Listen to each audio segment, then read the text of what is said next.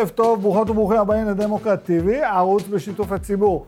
אנחנו כאן כבכל ערב בשעה 6:00. אני הני זובידה, מחליף הערב את לוסיה אריש, שתחזור לכיסא הזה בשבוע הבא. הערב נעסוק בהרחבה בסיפור משטרת ישראל וה-NSO, זהירות.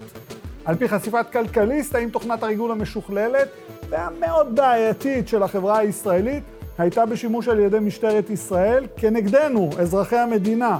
ביניהם, מפגינים מהדגלים השחורים, גונן בן יצחק, גיל נווה, תהילה, שוורץ אלטשולר, וגם אורלי בר-לב ידברו איתנו בנושא הזה. נשמע גם את תגובתו של חבר הכנסת ולדימיר בליאק מיש עתיד, שידבר איתנו גם על נושא פיצויי העצמאים לנזקי הקורונה העכשווית. ולסיום תהיה איתנו השחקנית ריקי בליך, יושבת ראש איגוד השחקנים והשחקניות שתספר לנו על המחאה שהתקיימה אמש בתיאטרון הבימה. אבל את התוכנית הזו נפתח עם פרשת ה-NSO המטרידה ביותר. ערב טוב לגיל נווה, דובר אמניסטי אינטרנשיונל. ערב טוב. ערב טוב לעורך הדין, גונן בן יצחק. ערב טוב. ולתהילה שוורץ אלטשולר מהמכון הישראלי לדמוקרטיה. ערב טוב לכולכם. ברשותכם, תהילה וגיל, אני מתחיל איתך גונן, תן לי ככה, תריץ אותי דרך העניין, מה, אני, לזרוק את הטלפון, לשבור אותו?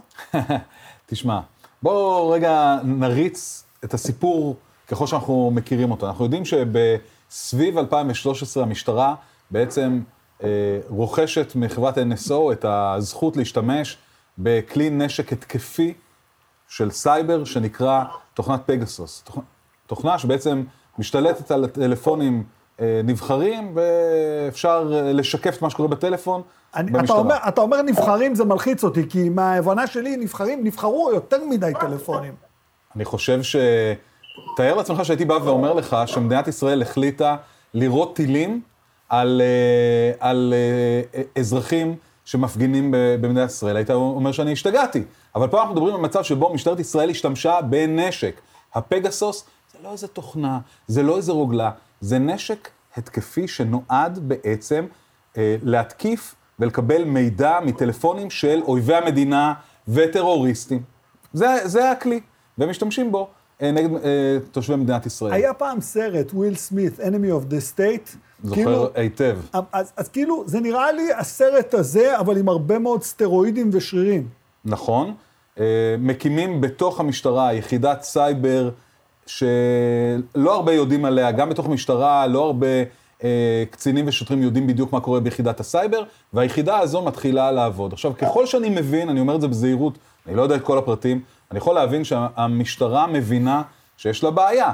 היא לא יכולה, או היא מנסה לפחות, לא ללכת בניגוד לחוק, כי כשהיא מפעילה את התוכנה הזו, את הנשק הזה, נגד אזרחים, היא צריכה ללכת... איזה ולקבל... אזרחים? עבריינים כן. כאלה שאתה יודע שיש לנו חשש שעשו מעשים חמורים, או, אתה יודע, בן דודה שלי המפגין שהלך לבלפור כל שבת והתחיל להיות שם בתוך העניינים.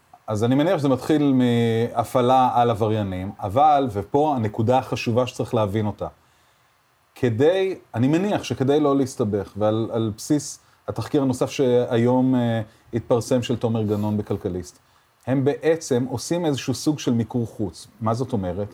יש להם חברת NSO, שהכלי יושב אצלה, והם מפעילים את NSO כדי להביא אה, את המודיעין הזה. כשזה מעניין אותם, הם רצים לבית משפט ומקבלים על זה צו שופט כדי להלבין אותו. יש להם האקרים שעושים עבודה. שוב, החומר שמגיע, אם מעניין אותם, הולכים אחורה לבית משפט, מקבלים אותו. ואני שמעתי, אני יכול להגיד לך, וזה משהו שלא כל כך ידוע, אני שמעתי עכשיו על איש אה, שמתקין מערכות אה, אבטחה ביתיות, שהם הלכו אליו והשתמשו בו כדי להשתלט על המערכות האלה, בעיקר במגזר הערבי, כדי לקבל מידע על משפחות פשע שהם לא יכולים להתקרב אליהן.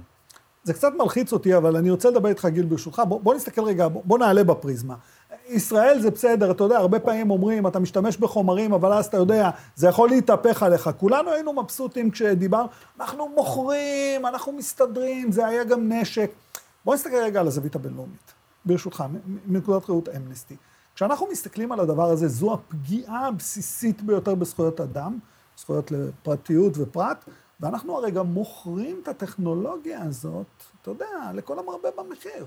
זה מדויק מאוד. אנחנו באמנסטי, אנחנו מתמודדים כבר עם השימוש לרעה בפגסוס מתוצרת NSO ורוגלות אחרות מתוצרת ברובה ישראלית, אה, כבר מ-2018 פחות או יותר. אה, אנחנו ראינו באופן עקבי שממשלות בעולם, דמוקרטיות ולא דמוקרטיות, מנצלות לרעה את הכלי הזה, כי זה פשוט מפתה מדי. זה לא סתם uh, uh, enemy of the state על סטרואידים, זה להשתלט על כל הטלפון. זה לא רק על זכות לפרטיות, זה פוטנציאל משם להשתלט לך על כל מה שמשתמע מהשתלטות על הטלפון. יש גישה לכל המיילים שלך, לכל התמונות שלך, uh, לסיסמאות פרטיות, להכל. בעצם... חשבון הבנק שלי, כרטיס אשראי. והדגש פה הוא ש...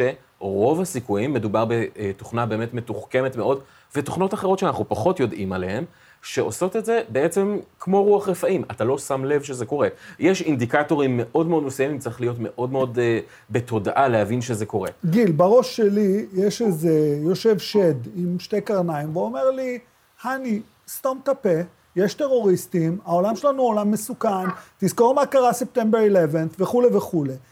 איך אני משתיק את השד הזה? יפה, אז אנחנו צריכים לזכור שקודם כל, אה, אנחנו רואים כבר בחשיפה של כלכליסט שהתגובה האוטומטית של המשטרה הייתה הכל נעשה כחוק.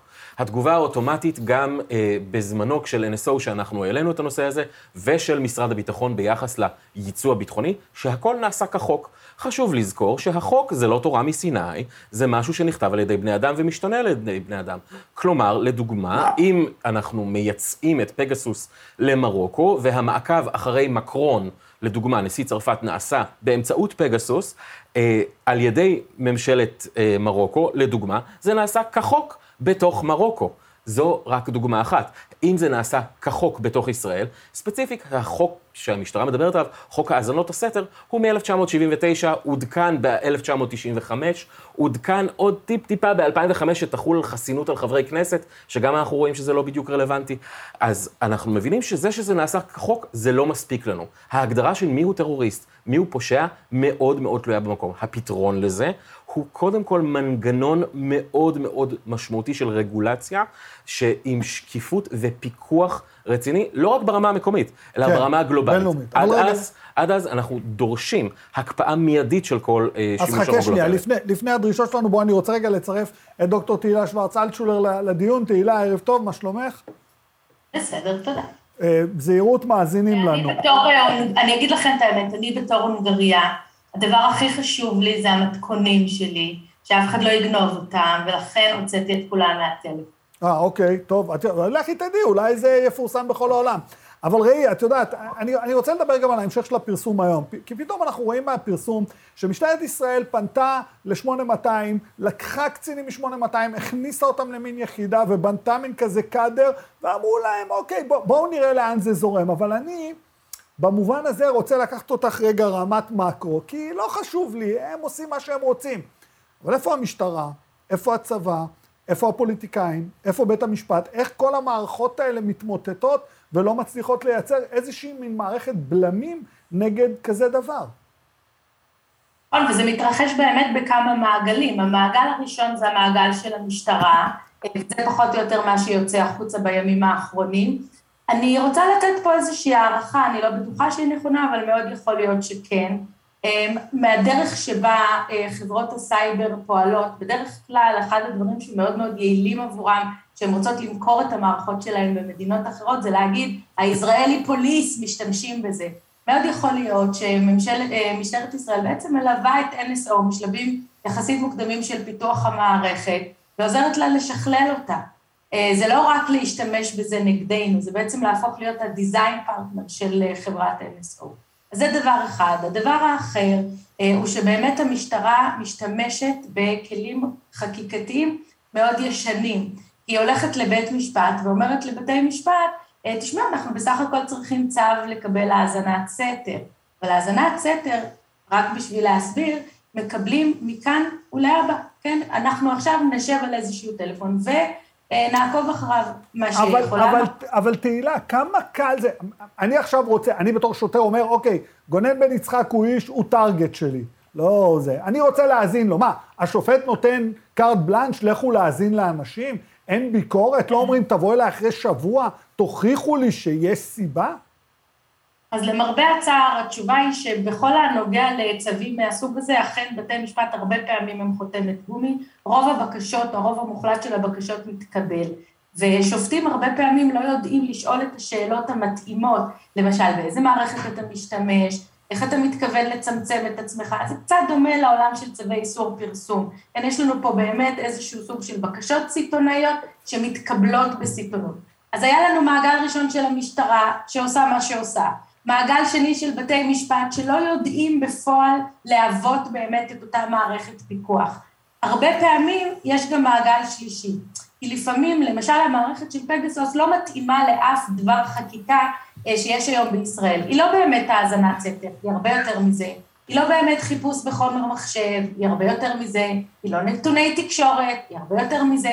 ואז כשיש טכנולוגיה חדשה שאין לגביה חקיקה, הולכים אל היועץ המשפטי לממשלה ומבקשים איזשהו סוג של הנחיות מה לעשות בינתיים עד שיחוקקו. והבינתיים הזה נמשך ונמשך. וההנחיות האלה לא שקופות, ואנחנו לא יודעים מה הן, אז הנה לנו עוד מערכת שבעצם בסיפור שלנו קרסה לגמרי. תהילה, אני, אני רוצה רגע לשאול אותך שאלה. ראי, בסופו של דבר הכל מתנקז, זה, זה מין משפך. הכל מתנקז ל, ל, לידי הפוליטיקאים שלנו, כי אם הם לא שולטים במצב, אז בוא, בוא נודה על האמת. המדינה לא קיימת. אם בצבא היה כישלון, ובמשטרה היה כישלון, ובבתי המשפט היה כישלון, יש פוליטיקאים, הם הנציגים שלנו. האם המערכת הזאת מסוגלת לייצר את האיזון והשיווי משקל, או שהכל הלך פה לאבדון? אז זה אחד הדברים שהכי מתסכלים אותי, אני חייבת להגיד לכם. מדוע?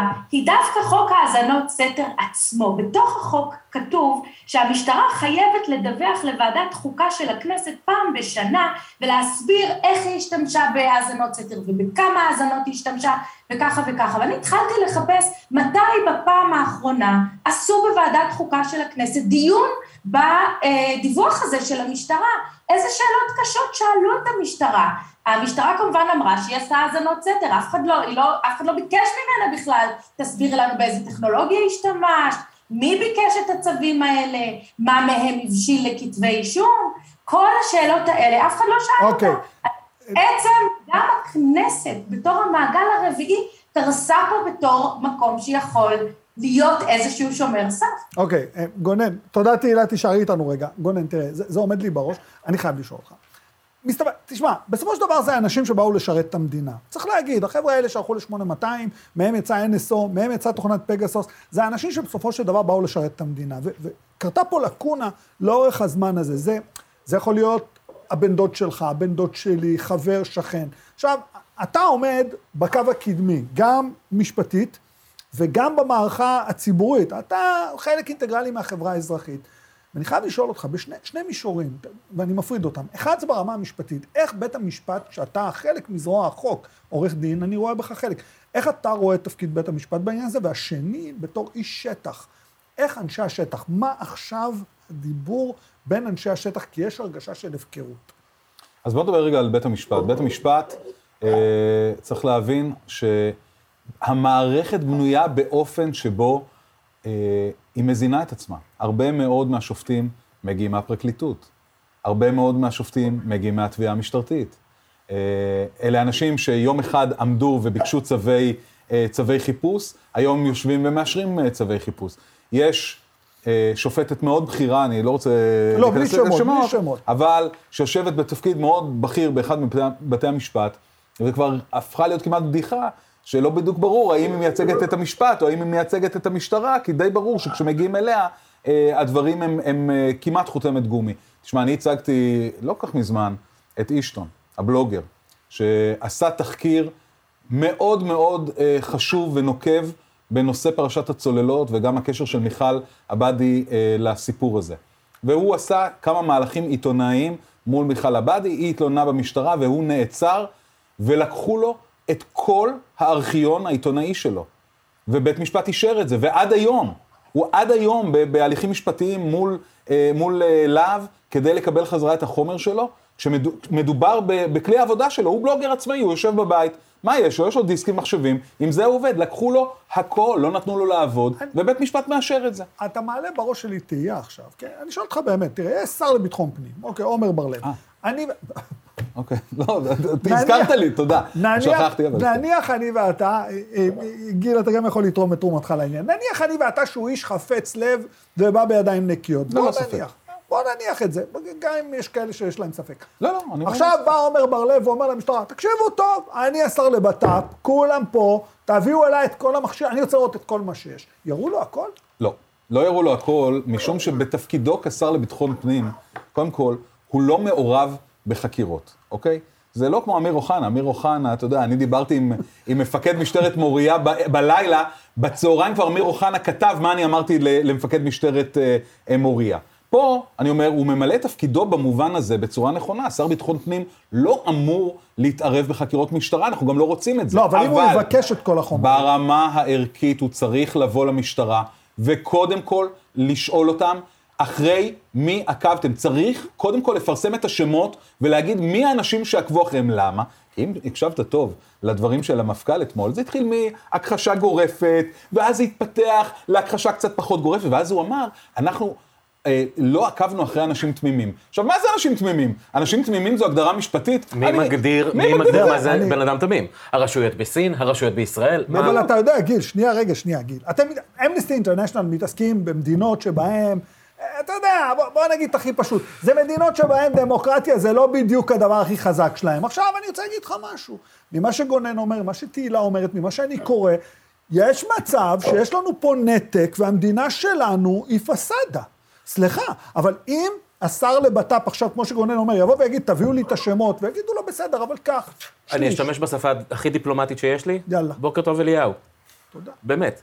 אה, אם אנחנו במשך שנים משתמשים בייצוא ביטחוני, אה, גם של תוכנות כאלה, ולא רק של פגסוס של NSO, אסור שזה יעצור ב-NSO. אבל אנחנו במשך שנים, הדיפלומטיה המפורסמת של אה, טפטפות ועוזי, הפכה לדיפלומטיה של טפטפות וסייבר, שאנחנו מנצלים את זה בשביל להמשיך בעצם כל מיני דברים, כל מיני עוולות שאנחנו עושים בעצמנו, ובואו נודה על האמת שדברים עוברים מהשטחים גם אלינו, כל מיני עוולות כאלה. אז אני לא חושב שאנחנו צריכים להתעורר יום אחד ולהגיד, רגע, זה נורא נורא מפתיע שמשטרת ישראל עוקבת אחרי אזרחים. אני לא יודע לומר בוודאות אחרי מי עקבו, מה עקבו, למה עקבו ואיך. אני יודע לומר לך מה קרה בעולם בהקשר הזה. אני יודע לומר לך שעשרות נשים אה, שעברו תקיפות מיניות על ידי שוטרים במקסיקו, עורכי הדין שלהם ואותן נשים עברו מעקבים על ידי ממשלת מקסיקו ועל ידי גורמים במשטרה הפדרלית שם. האם אלה מטרות לגיטימיות? האם אלה מטרות לגיטימיות ואחרי זה מפתיע אותנו שפה בישראל גונן הוא מטרה לגיטימית? לא. לא, אני מצטער, אני לא... אפשר, אני, אה, תהילה... אפשר להצטרף שנייה? כן, כן, כן, בטח. אני, אני גם רוצה לשאול אותך שאלה. אחרי כן. כל הבלגן הזה שאנחנו עומדים בפניו, וכנראה שפגסוס זה לא הדבר היחיד, ו-NSO היא לא הקבוצה היחידה, והקבוצה הזאת שהתמקדו בדרך כלכליסט, בתחקיר המצוין, בתוך משטרת ישראל, זה לא הדבר היחיד שקורה פה, והשר לבט"פ לא יכול למצוא. אז בואי תעשי לי רגע טובה, תגידי לי מה כן, איך אנחנו יכולים לפתור את הדילמה הזו. אז אנחנו חייבים לזכור באמת שהטכנולוגיה של האיסוף מאוד התקדמה בשנים האחרונות. אה, אני למשל לא חושבת כמו גונן ש-NSO או פגסוס זה נשק, זה לא נשק, זה חלק מהבעיה שלנו.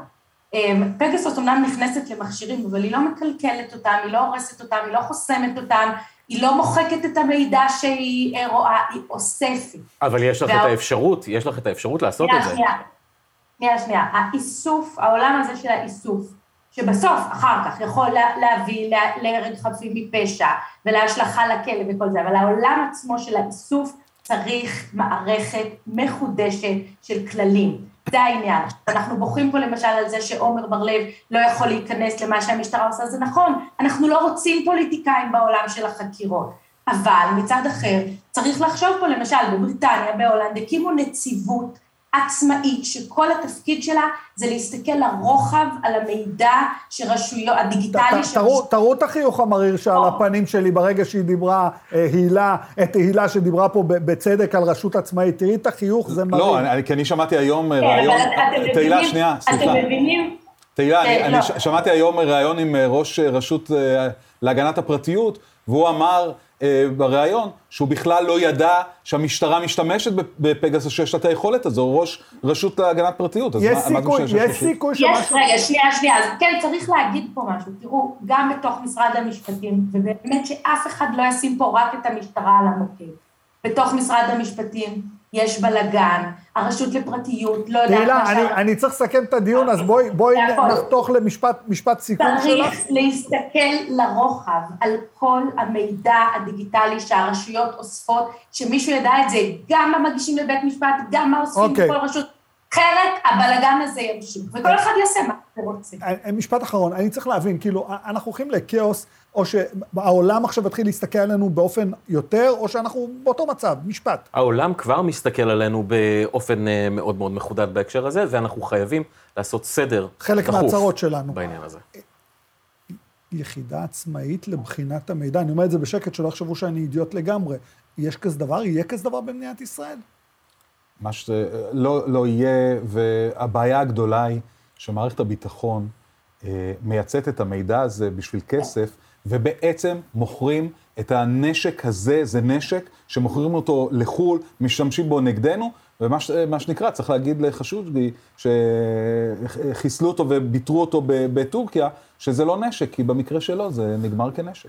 דוקטור תהילה שוורץ אלטשולר, גיל נווה, עורך דין גונן שגב, תודה רבה לשלושתכם על הדיון הזה. תם ולא נשלם, אני בטוח. אני ממשיך לקבל מכם שאלות הצופות והצופים שלנו, אני מבטיח להעלות אותם. אה, ערב טוב.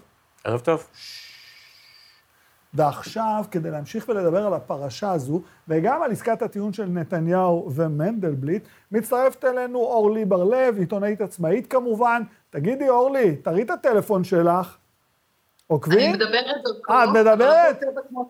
אז יאללה, משטרת ישראל, תהנו מהרעיון שלי עם אורלי. אבל זהו, רציתי להגיד שאנחנו שנינו מדברים ביחד איתנו כל 8200.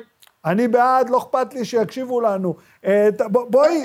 מאוד, מאוד חשוב שיקשיבו לנו לפחות לשיחה הזאת. אני, זהו, את יודעת מה? כן, תקשיבו. זה חשוב שתקשיבו לנו. לשיחה הזאת תקשיבו. בוא, בואי רגע נדבר, אני, אני באמת רוצה לשאול אותך עוד הפעם, כי אני ראיתי אותך כל הזמן עומדת שם עם הטלפון, שואלת אנשים, מדברת איתם כל תקופת בלפור. עכשיו פתאום, אני יודע, כאילו, ידענו שאחרי חלק מהאנשים עוקבים, אבל פתאום כשאת מגלה וזה נפתח בצורה כזאת, מה התחושה?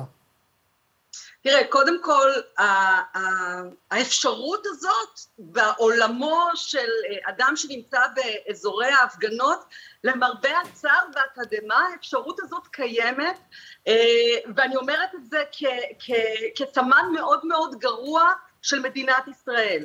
כי בואו נסתכל רגע על סיפור ה-NSO יותר רחב, כי בעצם החדירה של המשטרה לטלפונים של אזרחים נורמטיביים שיוצאים להפגין נגד השלטון, כל המשפט הזה שאמרתי שהוא בלתי אפשרי בדמוקרטיה, האירוע האפל הזה הוא רק המשך ישיר של אלימות שוטרים בהפגנות נורמטיביות של אזרחים שומרי חוק, המשך ישיר של המכתזיות, המשך ישיר של מעצרי השווא, כאשר יש בעצם אה, לוקחים את המפגינים והופכים אותם, עושים להם קרימינליזציה, הופכים אותם לעבריינים, כאשר יש התייחסות ממוסדת של המשטרה כלפי מפגינים כאל פורעי חוק, כאל אנשים שהם לא שומרי הסף של הדמוקרטיה, אלא לכאורה מפירי הסדר ומפירי החוק, כאשר זאת ההתייחסות מראש מה יש להתפלא שבסוף השרשרת גם חודרים לטלפונים כאילו מדובר פה בראשי המאפיה או בראשי ארגוני זהו, טרור אני... שבאים להכחיד את מדינת ישראל. אני, אני רוצה לשאול אותך. אז כל הסיפור מתחיל שם. אוקיי, כש, כש,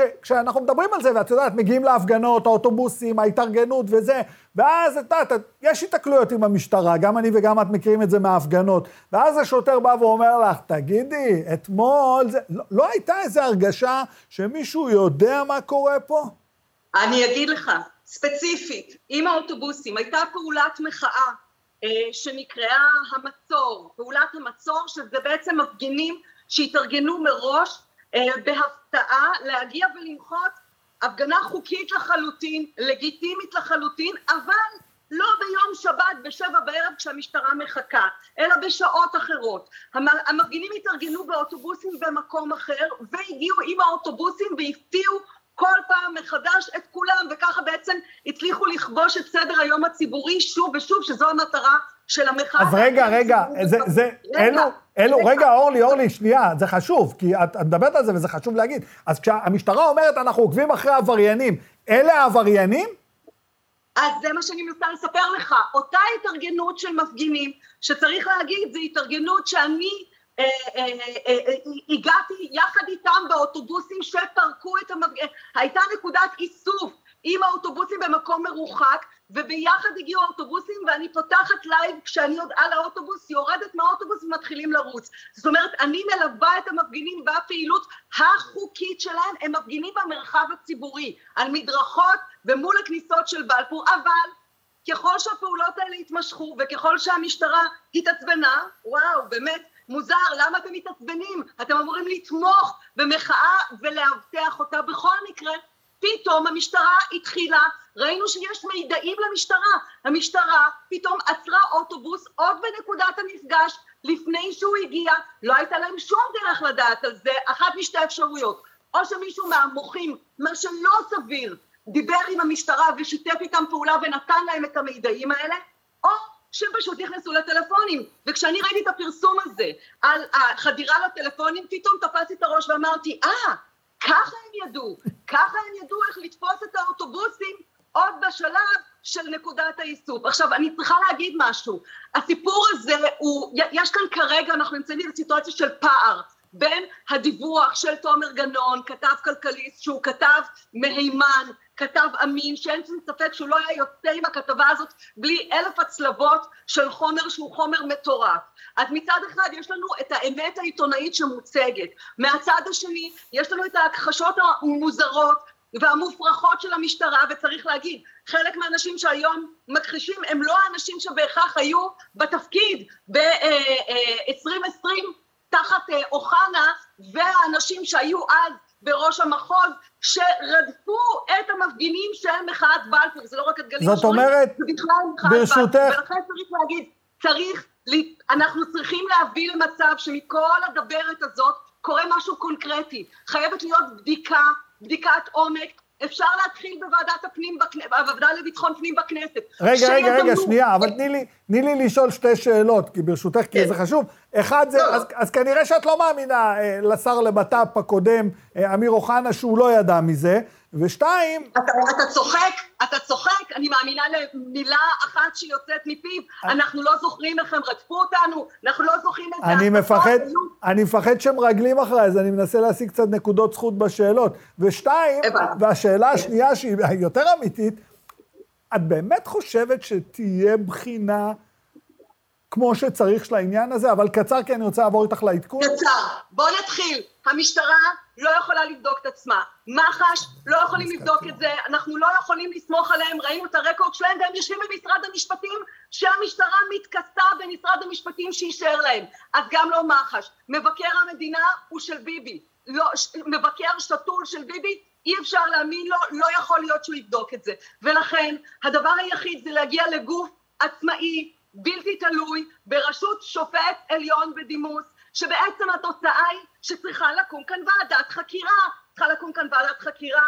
שהפרלמנט יכול, שצריכה לקום כאן ועדת חקירה ממלכתית אפילו, זאת אומרת, אנחנו כרגע נמצאים בשלב ראשוני, צריך לבדוק את הפער, צריך לבדוק את הפרטים, אבל ככל שהיסודות של האירוע הזה יתבררו יותר ויותר כמוצקים, יש לנו כאן רעידת אדמה שהיא מגה, מגה רעידת אדמה okay. אוקיי. בדמוקרטיה בואי... שלנו. רק ועדת חקירה, רגע, רק ועדת חקירה עצמאית, ממלכתית, בראשות שופט. אבל השאלה שלי הייתה, אורלי, השאלה שלי הייתה אם, אם את מאמינה באמת שזה יכול לקרות. אני לצערי אומר את זה, לא מאמין שזה באמת יכול לקרות, אבל אני רוצה לעבור לעניין הבא שלנו, שהוא לא פחות חשוב. כולם מדברים, עסקת טיעון, עסקת טיעון, עסקת טיעון, מנדלבליט עסקת טיעון, הזמן עובר, מנדלבליט אוטוטו בבית. מה העדכון שלך לגבי העניין הזה?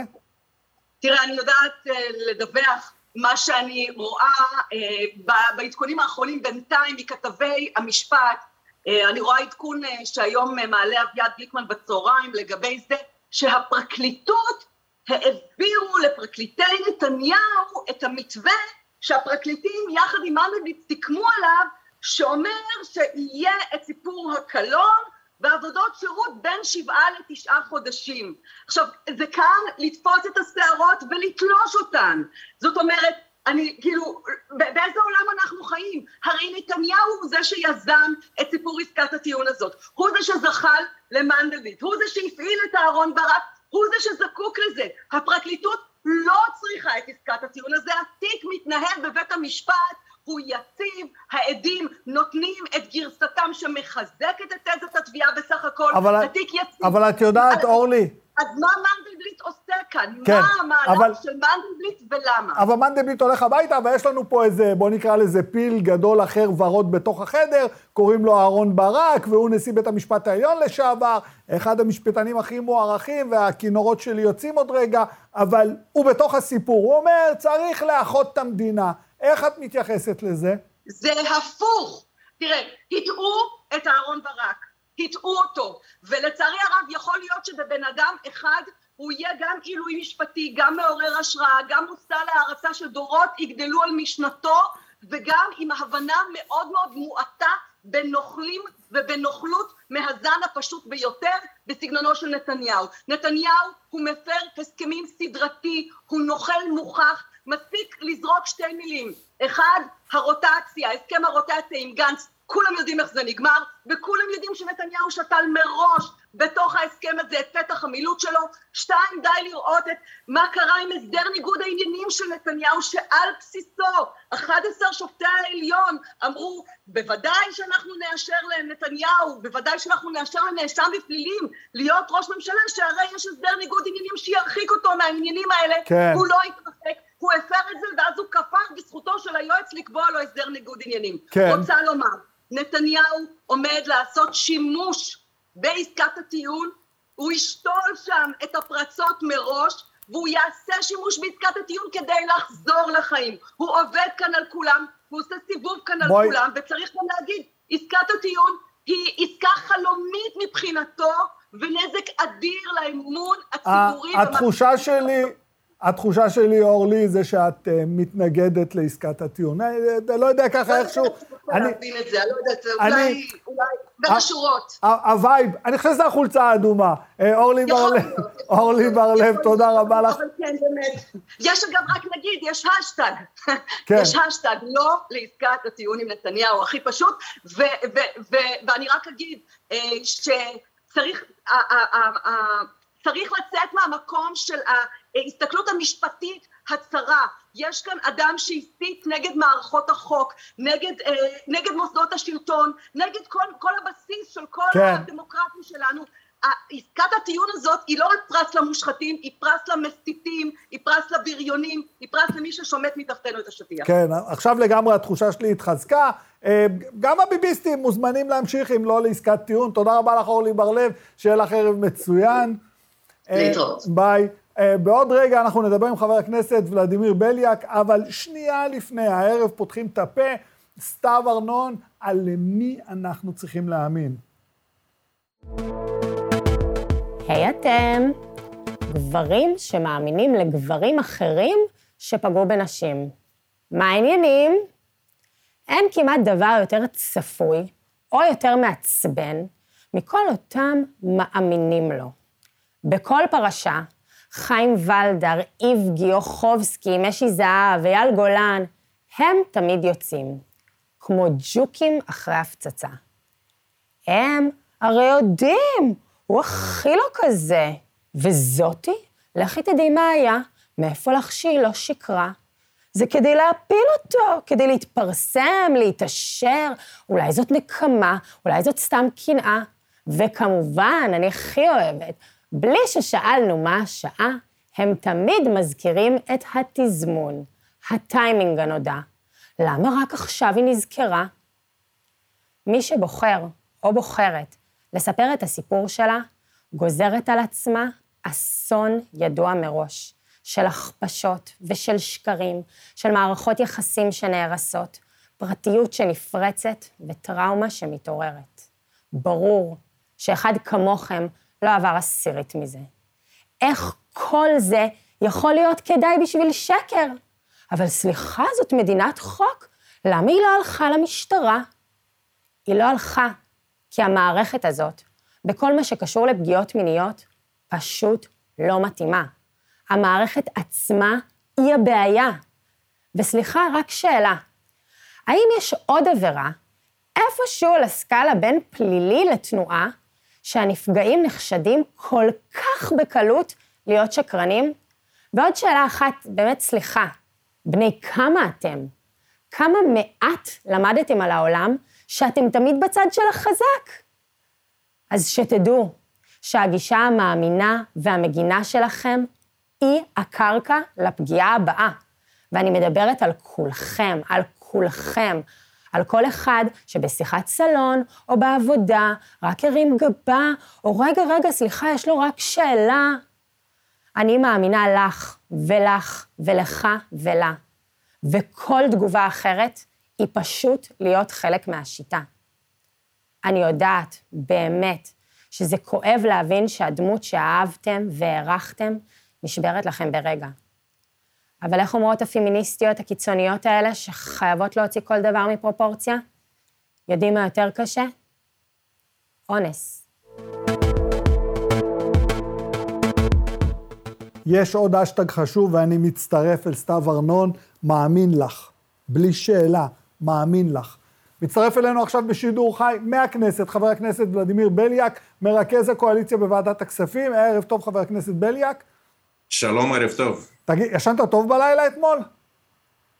Uh, לא, לא, עבדתי, uh, היו, לי כמה, היו לי כמה חוקים שהייתי צריך uh, לטפל בהם היום, אבל אנחנו באופן כללי בכנסת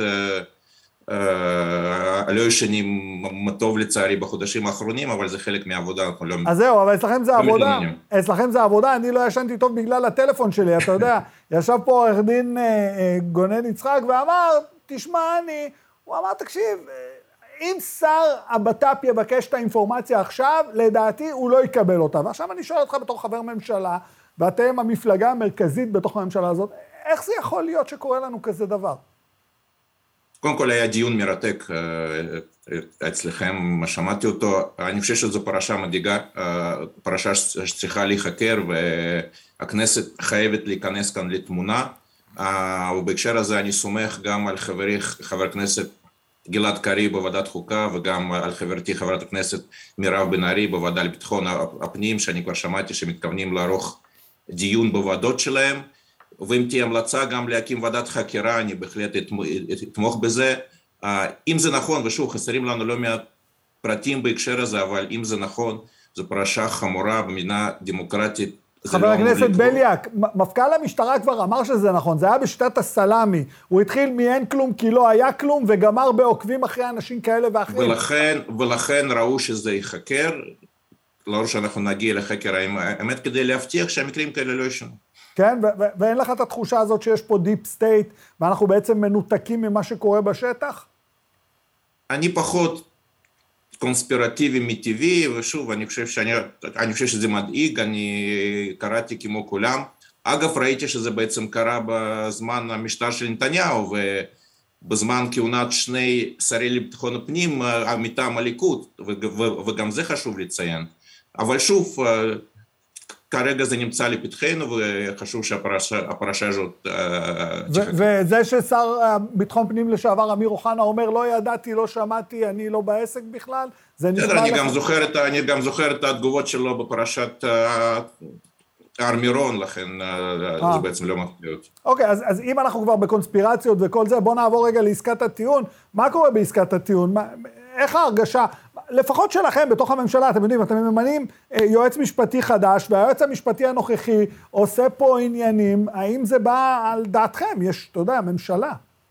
תראה, אנחנו נלחמנו בין היתר אה, גם מהאופוזיציה על מערכת משפט עצמאית, וחשוב שיש לנו מערכת משפט עצמאית וצריך לשמור עליה, אה, ובהקשר הזה אני חושב שאני כמרכז הקואליציה בוועדת הכספים, אחד שמאשר תקציבים למערכת המשפט, לא ראוי שאני אתערב בשיקוליה, ולכן כל החלטה שתתקבל אני אכבד אותה, ובהקשר הפוליטי אני חושב שגם בין אם תהיה עסקה ובין אם לא תהיה עסקה, אנחנו כקואליציה, כממשלה, נמשיך לעבוד ונשלים את ימיה והכל יהיה בסדר. אנחנו פה בדמוקרט TV אוהבים לעקוב אחריך בטוויטר, זה הציוץ שלך על, המה, על האיסוף תרומות אה, לראש הממשלה לשעבר, כיום ראש האופוזיציה. אה, האיש לא אומר מילה וזה ממשיך. אה, איך אתה רואה את זה? זה מביך. זה מביך אותי, אני חושב שזה מביך הרבה מאוד אזרחים. אה, כל הדבר הזה, גם נמחקו כגבולות בין עיתונאים לבין פעילים פוליטיים, כל מה שקורה פה זה לא סביר, אה, לא צריך להיות, גם אה, בלי אישור ועדת אתיקה, כלומר בסופו של דבר למרות כל מה שנאמר, הכסף הזה לא יכול להגיע לנתניהו והשתיקה שלו פשוט מביכה, מביכה. ועצם אין, זה אין, ש... אין לי מילה אחרת. ועצם זה שמצטרף לתוך כל הסיפור הזה, זה, אתה יודע, זה כמו אגדה מתרחבת. התחלנו בזאב וכיפה אדומה, ועכשיו יש לנו גם את נשיא בית המשפט העליון לשעבר, ועכשיו מתחילות כל התיאוריות, הממשלה תתפרק, הממשלה לא תתפרק. אז נתחיל מההצטרפות של אה, אה, נשיא בית המשפט העליון לשעבר, איך אתה רואה את זה? אני לא, לא בעמדה של לחלק ציונים לאהרן ברק, אני מאוד מכבד אותו ואת התפקיד שלו בבניית מערכת המשפט העכשווית במדינת ישראל. יכול להיות שזה היה מיותר, אבל שוב, אני מעדיף לא להתייחס לעסקת טיעון ושוב להדגיש, אני לא חושב שנבחרי ציבור צריכים להתערב בנושא הזה, יש לנו מערכת המשפט עצמאית ואנחנו חייבים לשמור עליה. והקואליציה מרגיש יציב, הכיסא בטוח, הכל עומד על שלו. אנשים פה, אנשים פה, מאז הפרסום, אנשים פה הספיקו לפרק את הממשלה, להרכיב ממשלה חדשה וגם לפרק אותה. תשמע, משעמם אה, לנו. חבר הכנסת בליאק, תכף נדבר על זה שאנחנו בסגר שקט, אתה יודע, אנחנו כל הזמן בבית, צריך לדבר על לא משהו. אה, בואו ניקח את הזמן, אני חושב שמדברים שנתניהו זה הדבק של הקואליציה, אני דווקא חושב שהוא דבק של האופוזיציה, וזה יכול לשנות הרבה מאוד... אה, דברים גם באופוזיציה, בכל אופן אני, אני חושב שהקואליציה תשמור על עצמה, זה חשוב, זה חשוב ליציבות, זה חשוב למדינת ישראל, לכלכלת ישראל, בטח אחרי כל התקופה שעברנו בשנתיים שלוש. אז הקונספט הזה של נתניהו טוב לקואליציה הוא, אתה אומר, מופרך. לא בהכרח, הוא לא בהכרח נכון, שוב, אני חושב שהוא דווקא מהווה דבק מאוד חזק היום במפלגות האופוזיציה, וזה בהחלט יכול להתפרק שם. ואם נתניהו הולך ומהליכוד יבואו ויגידו, תשמעו חבר'ה, אנחנו רוצים לשחק, אתה בעד שהם ייכנסו לממשלה? אני לא יודע, אני מרוצה מהרכב הקואליציוני, אני חושב שאנחנו עובדים בסינרגיה מאוד uh, חיובית, uh, אני מרוצה מהממשלה הזאת, אנחנו עושים המון דברים טובים לכלכלת ישראל, uh, ביחסי החוץ, בכל מיני תחומים, ואני בעד היציבות, ואם תיווצר קונסטלציה כזאת או אחרת, נבדוק. טוב, בואו נעבור לנושא שלשמו התכנסנו כאן, העצמאים. אה, יש פה עצמאית אחת כועסת, אבל תכף אנחנו נדבר על עוד עצמאים ועצמאיות. תראה, אנחנו בסגר. אתה רוצה להגיד לי סגר, אתה לא רוצה להגיד לי סגר, אנחנו בסגר שקט. אני רוצה, כן, אני רוצה להגיד. בבקשה. רוצה להגיד. קודם כל, קודם כל, אני שנה בכנסת, לפני זה הייתי 15 שנה עצמאי, אה, אה, ניהלתי משרד רואי חשבון, אז אני בהחלט מכיר את התחום, וגם עברתי כעצמאי שלושה סגרים. אנחנו לא בסגר. אה, אני, אני חושב שאחת ההחלטות החשובות ביותר שהממשלה הזאת קיבלה עוד בגל הקודם זה להימנע בכל מחיר מהסגר ולשמור על כלכלה פתוחה עד כמה שניתן.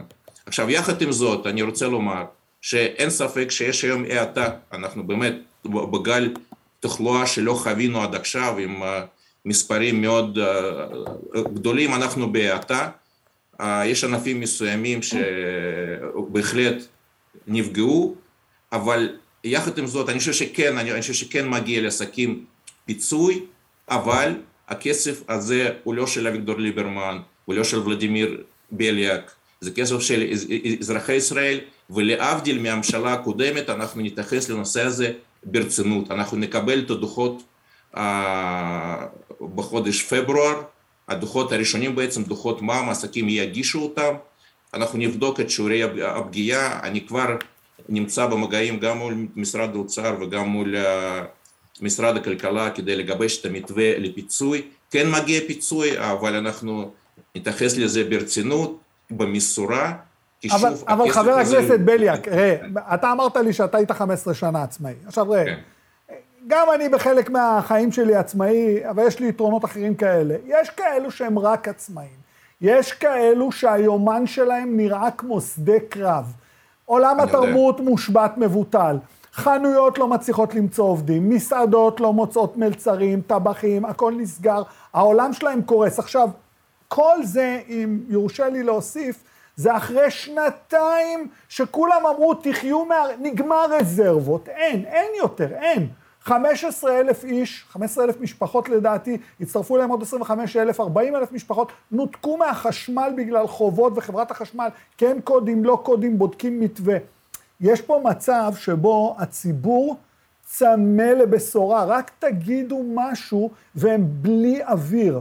להגיד... אז אני אומר באופן חד משמעי, קודם כל לגבי החשמל, אני שמעתי שלשום אמירה של שרת האנרגיה שאף אדם בתקופה הזאת לא ינותק מהחשמל, ואני חושב שזה גם מתבצע.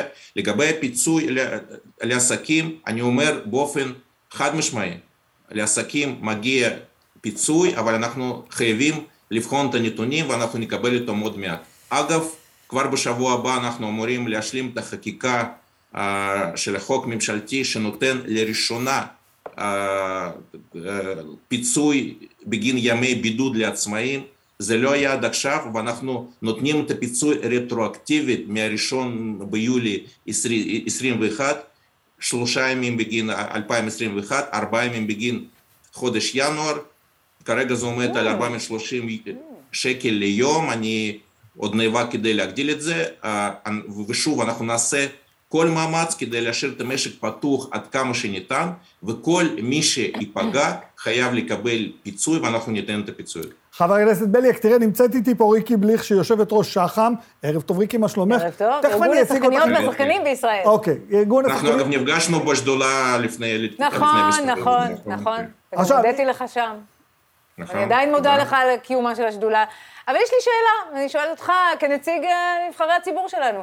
אנחנו מדברים על גל חמישי, נכון? חמש, אם אני יודעת חשבון, הוא אחרי אחת, שתיים, שלוש וארבע. באמת? למה עד היום לא הצלחנו למצוא מתווה או איזושהי דרך, ותראו מה זה, מגיע חנוכה ויש פסטיגל, והפסטיגל קורה. כלומר, יש אפשרות להחריג מופעים, שיש לנו אגב נתונים סטטיסטיים, אני בטוחה שאתה מודע לזה, שיש אפס הדבקות. 0.00 אה, הדבקות, זה לא אה, קר להדבקות אה, מופעי תרבות. למה במשך שנתיים, אנחנו בגל חמישי, לא הצלחתם למצוא דרך להמשיך לתת תרבות לילדים בבתי ספר, כשמדובר בילדים, לא אלפי ילדים שהולכים לסינמטק, מדובר על 200 ילד שהם באותו בית ספר, הם נפגשים בהפסקה. ואתם רוצחים, גומרים, חונקים, הורסים את אה, אה, עולם התרבות לילדים. עזוב את המבוגרים, אנחנו עוד נשרוד. אבל הילדים, הילדים לא ראו הצגה כבר שנתיים. איך זה? אז קודם כל קשה לי להיות אחראי על שנתיים, אני רק, אני, אני רק שנה בכנסת וחצי שנה בקואליציה למען הגינות. אה, חצי שנה זה הרבה זמן לגבש מתווה. אני כן, נכון, אני כן חושב שיש הרבה uh, צדק בדברייך. Uh, ומתווה הבידוד לילדים חייב להשתנות. ואני לא מסכים, גם אם אני חבר בקואליציה, אני לא מסכים עם כל החלטה של משרד הבריאות.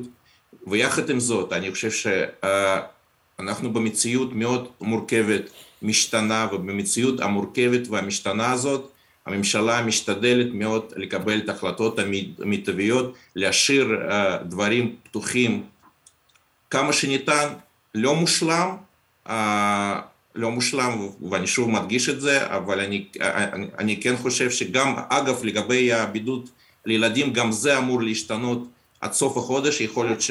הבעיה היא לא הבידוד, הבעיה שלא נותנים להם לראות הצגות. נכון, ושוב, יש פה מגיפה, אוקיי? אי אפשר להתכחש לזה, יש פה מצב מיוחד, ובמצב הזה כל מי שנפגע אמור לקבל פיצוי, והוא יקבל את הפיצוי. חבר הכנסת... קשה לקבל אותו במרץ פשוט, כשאין לך מה לאכול בינואר. בינואר או פברואר. אבל חבר הכנסת... כן, כן, אבל ריקי, מצד שני, אנחנו בערך חודש באירוע הזה צריכים... חייבים לבחון את הנתונים. כן, אבל... אתם מזהירים שמגיע גל חמישי, סליחה, כבר מאוקטובר, אם אני לא טועה. רגע, רגע, רגע, חכי הגל. אתם, הם גם משרד הבריאות. היא לא הביאה את הגלשן, אבל אני רוצה לשאול אותך באמת, כאילו, בנושא הזה, יש פה איזה דיון, ואני חייב להגיד אותו. זה נראה לפעמים כאילו יד ימין לא בדיוק מבינה מה יד שמאל עושה. אני אתן לך דוגמה. במשרד החינוך מחליטים משהו, במשרד הבריאות מחליטים משהו אחר, סוגרים מדינות, פותחים מדינות, יש תו ירוק, אין תו ירוק, יש בידוד, אין בידוד.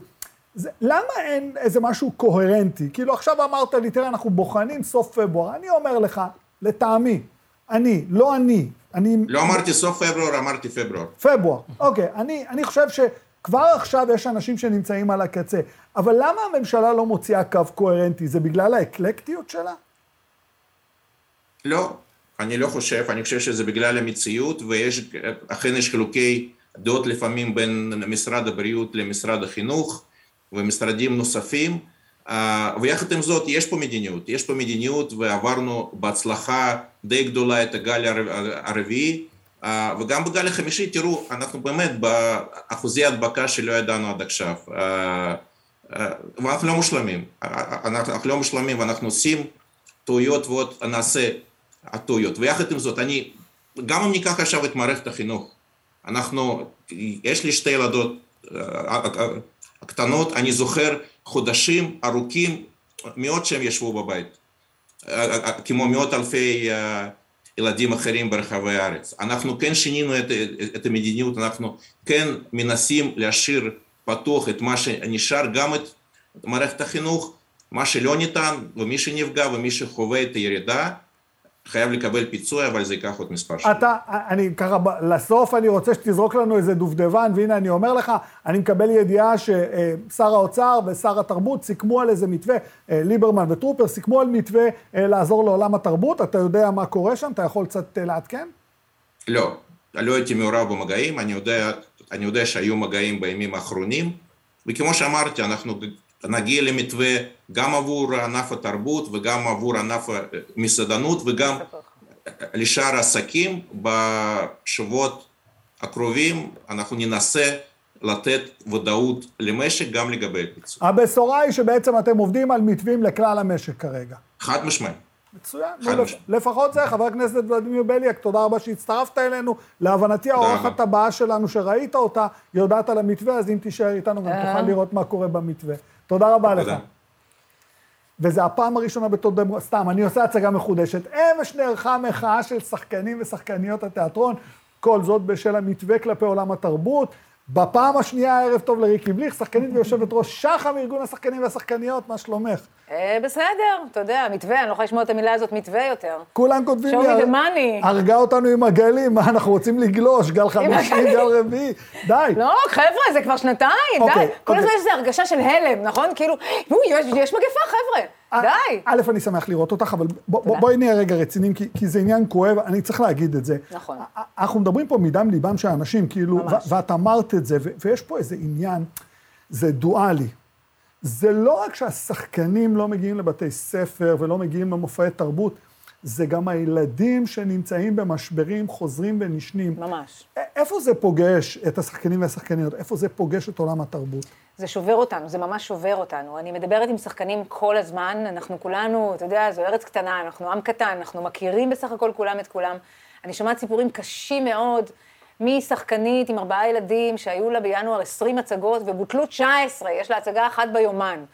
אה, שחקן שבוטלו לו 35 הצגות, אנחנו מקבלים נגיד אה, 500 שקל להצגה, פלוס מינוס, זה סרט מתבטלים חשוב. באיזה תקופה מתבטלות? עכשיו, שלושים? ת- ה- זאת אומרת, מעכשיו ילדים- קדימה? הצגות ילדים מפרנסות אותנו חצי שנה. כן. בין אה, אחרי החגים לבערך מאי, כשמתחילות חגיגות סוף השנה. לפני שהם מתכוננים למופע. סוף שנה, כן. בדיוק. אה, דצמבר, ינואר, פברואר, מרץ, אלה החודשים שלנו, לפני פסח. זה ה... בדיוק החודשים האלה הם מה שאנחנו קוראים לו עכשיו הגל החמישי. אנחנו מדברים על ביטולים של עשרות, עשרות הצגות, בעצם מותו אה, שיתוק מוחלט של עולם התרבות לילדים, וזה, אנחנו רואים את הילדים האלה כבר שנתיים בזום. מה יכול להציל את נפשם יותר מאשר קצת תרבות ואומנות? אתה יודע, ילדה שיושבת ועושים עליה חרם, או uh, צוחקים עליה בפייסבוק, ואז היא הולכת ורואה הצגה על זה פתאום. אתה יודע מה זה בשביל הנפש שלה? זה אפילו, זה לא בשבילי ובשבילך ללכת לראות מחזמר בהבימה. שר האוצר מסכים זה איתך. הרבה יותר מזה. את יודעת מה כותב שר האוצר? בתגובה אומר שר האוצר, רק עולם תרבות פתוח ומלא חיים ישמור על השפיות בקרב כולנו. זה מקסים מצידו, שלפני. שבוע הוא אמר, מה אתם רוצים? האולמות מלאים. ניסיתי להזמין כרטיס לאפס ביחסי אנוש, ולא היה כרטיס. אולי כי ביטלו את ההצגה? אולי היו ארבע הצגות שצומצמו לאחת, כי כולם אה, מבטלים. אני, אני רוצה להבין, תראי, אנשים עכשיו יושבים, מסתכלים ואומרים, רגע, אבל תרגיש שנייה, יש שחקנים ש... עשה לי טובה. אוקיי. אנחנו יודעים לא. מי השחקנים האלה שאתם מכירים מהטלוויזיה. מדובר באחוז, אחוז מהמקצוע שלנו. זה הטאלנטים, אה, המובילים, הסלבים, כל המילים האלה שכולנו מכירים, גיא פינס וזה. זה, באמת, זה הדובדבן, זה אולי הקצפת. אבל ביום-יום יש אלפי אנשים, באמת אלפי אנשים, וסביבם עוד אלפי אנשים רבים שמ- שמחזיקים את ההצגות שאנחנו לא רואים. זה השחקנים השקופים, זה שחקנים שהם באמת... בעלי מלאכה, הם קמים, נכנסים לבן, נוסעים לבאר שבע, זה לא כזה זוהר, שם ארבע הסיפור הזה. הצגות, בכלל לא זוהר. לפעמים סוחבים את התפאורה, מספרים לי שחקנים, אתה יודע, אנחנו גם עם יצירתי, אז הם אה, התחילו לעשות הצגות לכיתות, כי אי אפשר כבר לחבר כיתות, אז הם עושים בשביל 300 שקל. מספרת לי שחקנית, אני מגיעה עם האוטו, רב איתי השומר בכניסה, לא נותן לי להיכנס, עד שאני מוכיחה לו שיש לי הצגה פה. אף אחד לא עוזר לה, סוחבת על הגב את התפאורה, ממש ככה, עולה שלוש קומות.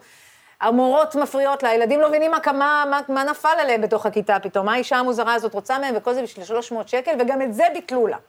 וגם את זה מספרת לי פנסיונרית, שיש לה הצגה לפנסיונרים, 25, מו- 25 מופעים בחודש. היא אומרת לי, אני ובעלי, מזה אנחנו חיים. והסיפורים האלה באמת, זה אינסופי, אני באמת לא ישנה טוב בלילה, אני לא יודעת איך הם שם אז, אז אחרי שאתמול, אז אחרי. שאתמול עשינו את המחאה, אנשים בכו, אתה יודע, אני לא ראיתי לא, זה עדיין ברור אנשים לי, מבוגרים תשמעי. זועקים במגפון ובוכים. זה... זה במאי אחד צעק שהתבטלו לו 54 הצגות. כל ההצגות, אין לו ממה לאכול. באמת אין לו מה לאכול. זה, אנחנו ברמה הזאת. זה, זה, זה פשוט, זה מטורף מה שאת מספרת. זה מטורף, ואני גם- מרגישה גם שאין לנו גיבוי ציבורי אמיתי, כי, כי עשו לנו כל כך הרבה שנים של דמוניזציה.